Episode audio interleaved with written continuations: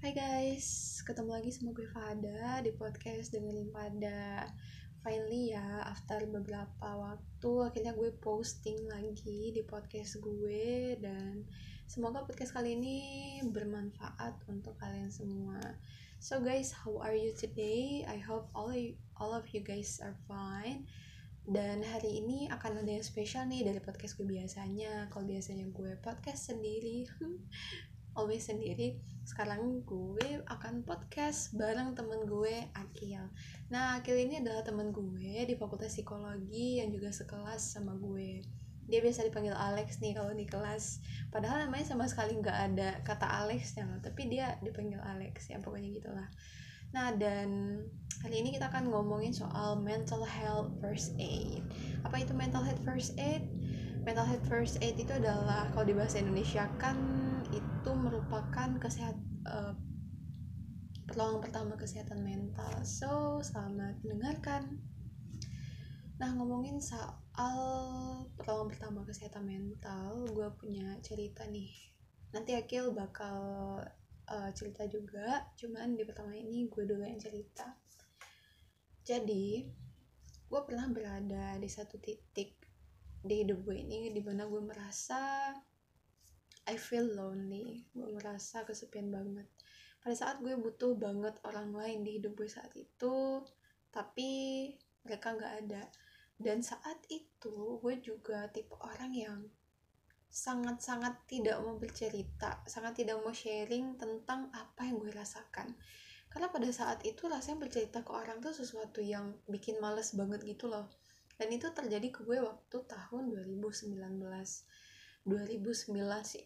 2019 2019 itu ngajarin gue banyak hal banget. 2019 adalah waktu di mana gue berada. Mungkin kalau sekarang dipikir-pikir itu tuh salah satu titik terendah gitu dalam hidup gue. Kenapa gue bilang gitu? Pertama karena waktu itu gue kehilangan semua hal semua hal literally semua hal include myself bahkan termasuk kehilangan diri gue sendiri saat itu. Jadi waktu itu gue masih kuliah di kedokteran hewan. Um, sebelum akhirnya gue pindah jurusan kan tahun 2020 nya ke psikologi. Dan waktu itu prestasi gue juga seabrek banyak gitu. At the same time aktivitas gue banyak banget waktu itu. Dan mungkin itu salah satu faktor yang bikin uh, my condition getting worse. Aktivitas gue banyak. Dan yang gue remehkan saat itu adalah gue nggak butuh istirahat.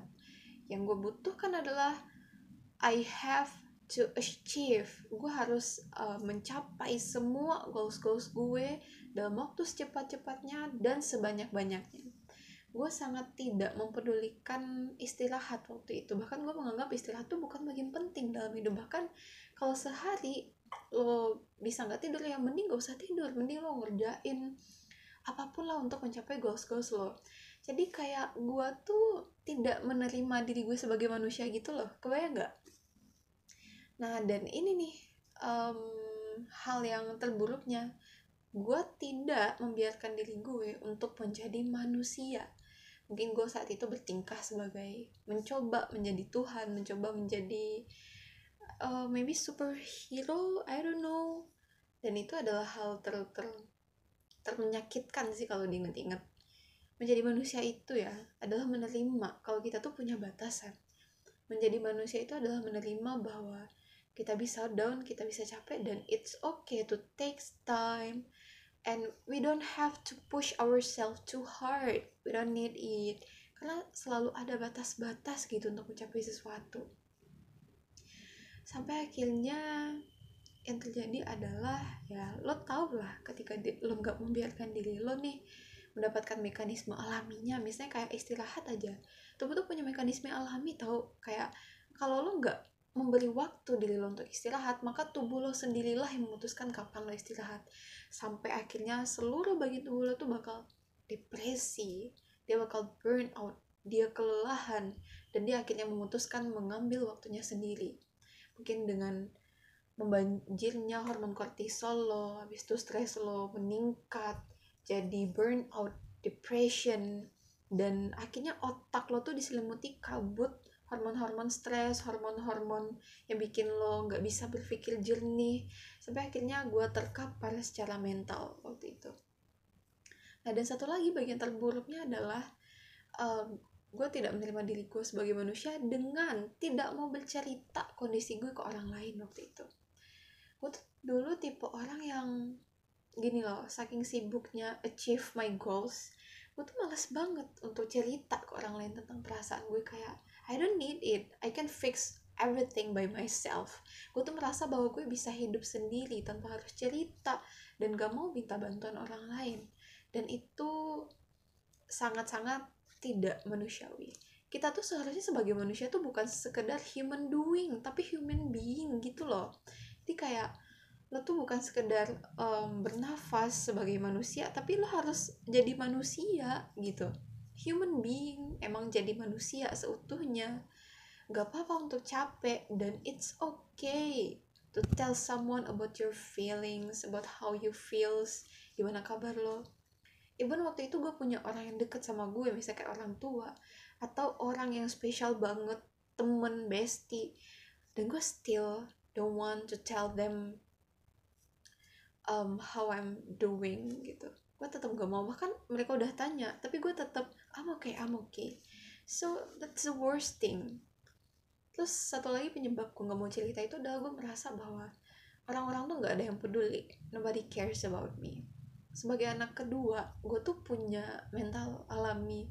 Gak tau ya mungkin gue pernah baca jurnal katanya anak tengah tuh memang punya ini uh, kepribadian yang selalu merasa ingin bersaing gitu loh. Dan ya seperti itulah. Sebagai anak tengah mungkin itu salah satu penyebab juga kenapa gue nggak mau cerita ke orang lain dan selalu merasa kayak I need to achieve something to make my uh, parents proud of me. Nah dan dari hal itu gue belajar banget tuh untuk wow ternyata tidak uh, bersosialisasi menutup diri memenjarakan diri self sabotage diri kita dari orang lain itu tuh sebahaya itu sampai akhirnya sekarang gue tuh um, mungkin salah satu hal yang terpenting dalam hidup gue adalah punya seseorang yang dipercaya yang gue bisa cerita ke dia dan jadi diri gue sendiri kalau bareng orang ini. Sosialisasi itu sepenting itu loh bahkan dosen gue waktu itu pernah bilang dosen psikologi gue pernah bilang gini jangan pernah nggak melakukan sosialisasi um, seharian. Minimal sehari itu kita harus ketemu orang. Dan itu bener banget. Gue pernah misalnya kayak misalnya kayak libur kuliah karena ada tanggal merah dan sebagainya macam itu cuma diem seharian sendirian di kos misalnya. Itu bikin gue memikirkan hal-hal negatif banyak hal negatif di diri gue. Apalagi sekarang semester 5 kan itu bikin stres banget. It's so stressful. Gue sebagai introvert sebenarnya sangat suka sendiri cuman terlalu sering sendiri dan menutup diri itu tuh sangat tidak baik. Karena memang kebutuhan alam manusia itu adalah untuk bersosialisasi kita butuh cerita kita butuh interaksi sama orang lain. Sampai akhirnya misalnya besok harinya gue udah masuk kuliah lagi kadang ngobrol biasa aja sama temen tuh nurunin beban-beban banget loh. Dari ngobrol tuh gue merasa oh ternyata gue nggak sendirian ya capek nugas kayak gini ternyata ribuan mahasiswa semester 5 di universitas gue juga capek juga sama and I'm not alone. Dan itu bikin kita jadi lebih kuat lagi. Salah satu bagian terburuk tuh ketika lo menghadapi kelelahan mental tuh adalah ketika lo merasa sendiri tahu so berani speak up berani cerita tuh penting. Terus yang kedua nih di saat um, patah itu gue nggak punya siapa gue merasa nih padahal gue punya banyak orang waktu itu yang deket yang sayang sama gue tapi gue menutup diri gue memenjar memenjarakan diri. Nah dan at the same time juga gue tuh bodoh amat sama orang lain waktu itu. Karena saking um, fokusnya saking pengennya achieve my goals gitu kan sampai gue nggak begitu memperhatikan orang-orang di sekitar gue misalnya waktu itu teman kosan gue di Aceh ternyata dia dia mengalami kondisi yang sama kayak gue. Dia feel lonely sering nangis bahkan try to suicide suicide herself gitu. Dia mencoba untuk mengakhiri hidupnya.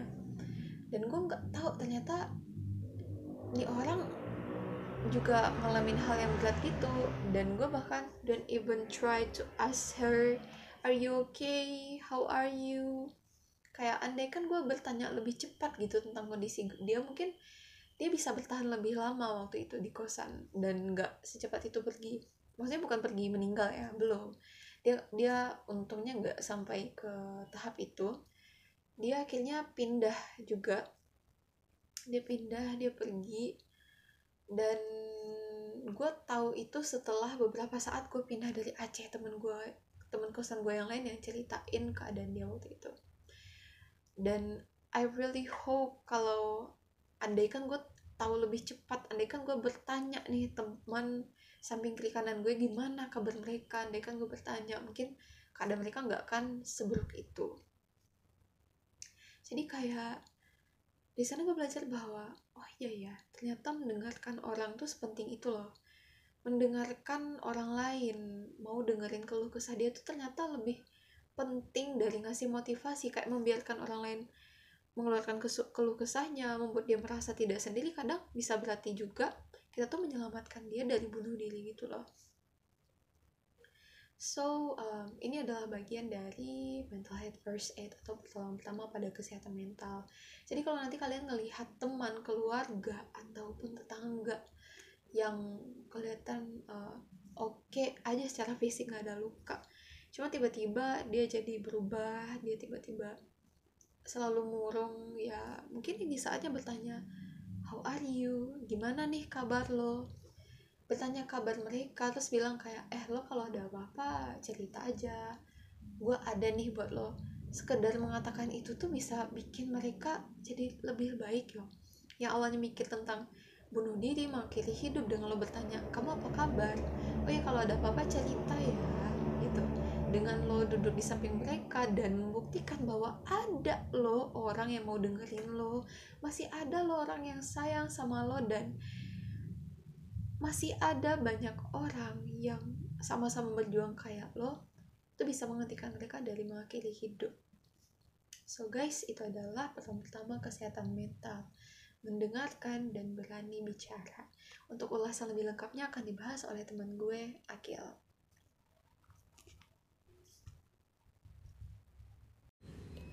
Halo guys, kenalin nama gue Akil dan di podcast kali ini gue sama Fahada bakal sharing tentang mental health first aid. Kalau tadi Fahada udah jelasin soal cerita dia, sekarang gue akan lebih kulik lagi nih soal mental health first aid. By the way, kali ini kita ulang lagi dulu ya, apa itu mental health first aid. Jadi, mental health first aid atau pertolongan pertama pada kesehatan mental itu adalah sebuah rangkaian atau cara aktivitas untuk melakukan pertolongan pertama terhadap masalah kesehatan mental nih guys. Dari definisinya kayak berat gitu ya bahasannya. Tapi intinya nih pertolongan pertama kesehatan mental itu ngajarin kita pentingnya untuk peduli dengan orang lain dan diri kita sendiri peduli untuk dengerin orang lain dan peduli ke diri kita sendiri dengan gak menyabotasi diri sendiri nih gue mau bongkar data nih menurut WHO terdapat sekitar 35 juta orang terkena depresi belum lagi data dari Riskesdas yang menyatakan bahwa Prevalensi gangguan jiwa berat di Indonesia mencapai 400 ribu orang untuk skizofrenia. Belum lagi kalau kita bahas soal data kasus bunuh diri di seluruh dunia. Ada data yang mengungkapkan bahwa setiap 40 detik satu orang meninggal karena bunuh diri. Gila sih, gue pribadi sedih dan miris banget dengernya. Gimana dengan lo semua? Miris juga nggak? Atau justru sekarang lo lagi di tahap pengen jadi orang yang meninggal itu? Jadi, apa kabar lo sekarang? Gimana kabar lo hari ini? Gimana kabar orang-orang di lingkungan lo? Kapan terakhir kali lo nanya kabar mama atau papa lo atau besti lo? Well, luka mental adalah sakit yang lukanya gak kelihatan. Gak terlihat lukanya tapi bisa merenggut nyawa orang lain. Fahada tadi cerita tentang diri dia yang pernah merasa sepatah itu karena feel lonely. Untung aja akhirnya dia bisa bangkit dari apa yang dialamin. Dari cerita tersebut, kita belajar dua hal. Yang pertama, yaitu mendengar. Ada banyak banget kursus public speaking di atas di dunia ini, mulai online sampai offline tentunya. Tapi pernah gak lo lihat ada kursus mendengarkan? Atau pernah gak lo dengar atau baca quotes kayak gini. Males cerita ke temen, gue mau curhat tapi malah jadi adu nasib. Pernah kan lo? Nah, ini dia nih salah satu alasan banyak orang yang akhirnya memilih memendam luka mereka sendiri. Bahkan saat sebenarnya diri dia udah gak sanggup buat memikul semua sendiri. Makanya nih guys, penting buat kita punya skill listening yang baik. Mau dengerin orang lain, Tahu nggak loh, dengerin keluh orang lain, membiarkan mereka ungkapin apa yang mereka rasain itu sebuah hal yang seberarti itu. Orang yang awalnya mau bunuh diri akhirnya gak jadi mengakhiri hidupnya karena ada orang yang mau dengerin mereka. Pro buat kalian yang selalu mau dengerin orang lain, ya walaupun kita pasti capek juga ya, makanya ntar kudu punya batasan diri juga. Terus yang kedua, speak up atau berani bicara. Nah, ini masih bersangkut paut tentunya dengan pelajaran pertama. Kalau lo punya banyak orang yang mau dengerin lo, tapi lo nya sendiri yang gak mau cerita. Memilih gila sendiri dengan pikiran lo. Itu namanya self sabotage atau sabotase diri. Menghalangi diri, memenjarakan diri dari mendapatkan pertolongan itu gak baik.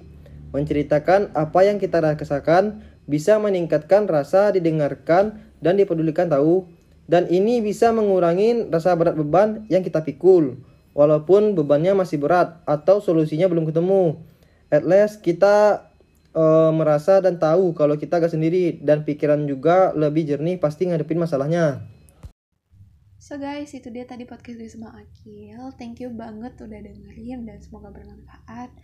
So, kesimpulannya jangan lupa nih tanyakan ke diri lo sendiri gimana kabar lo ingat ya kita tuh nggak sekedar human doing tapi kita harus human being oke? Okay? jadi jangan lupa untuk berani ungkapin apa yang lo rasain and it's okay dan kemudian jangan lupa juga tanyain kabar orang-orang terdekat lo. Dan ya semoga all of us getting better. So guys thank you. See you. Sampai ketemu di podcast gue selanjutnya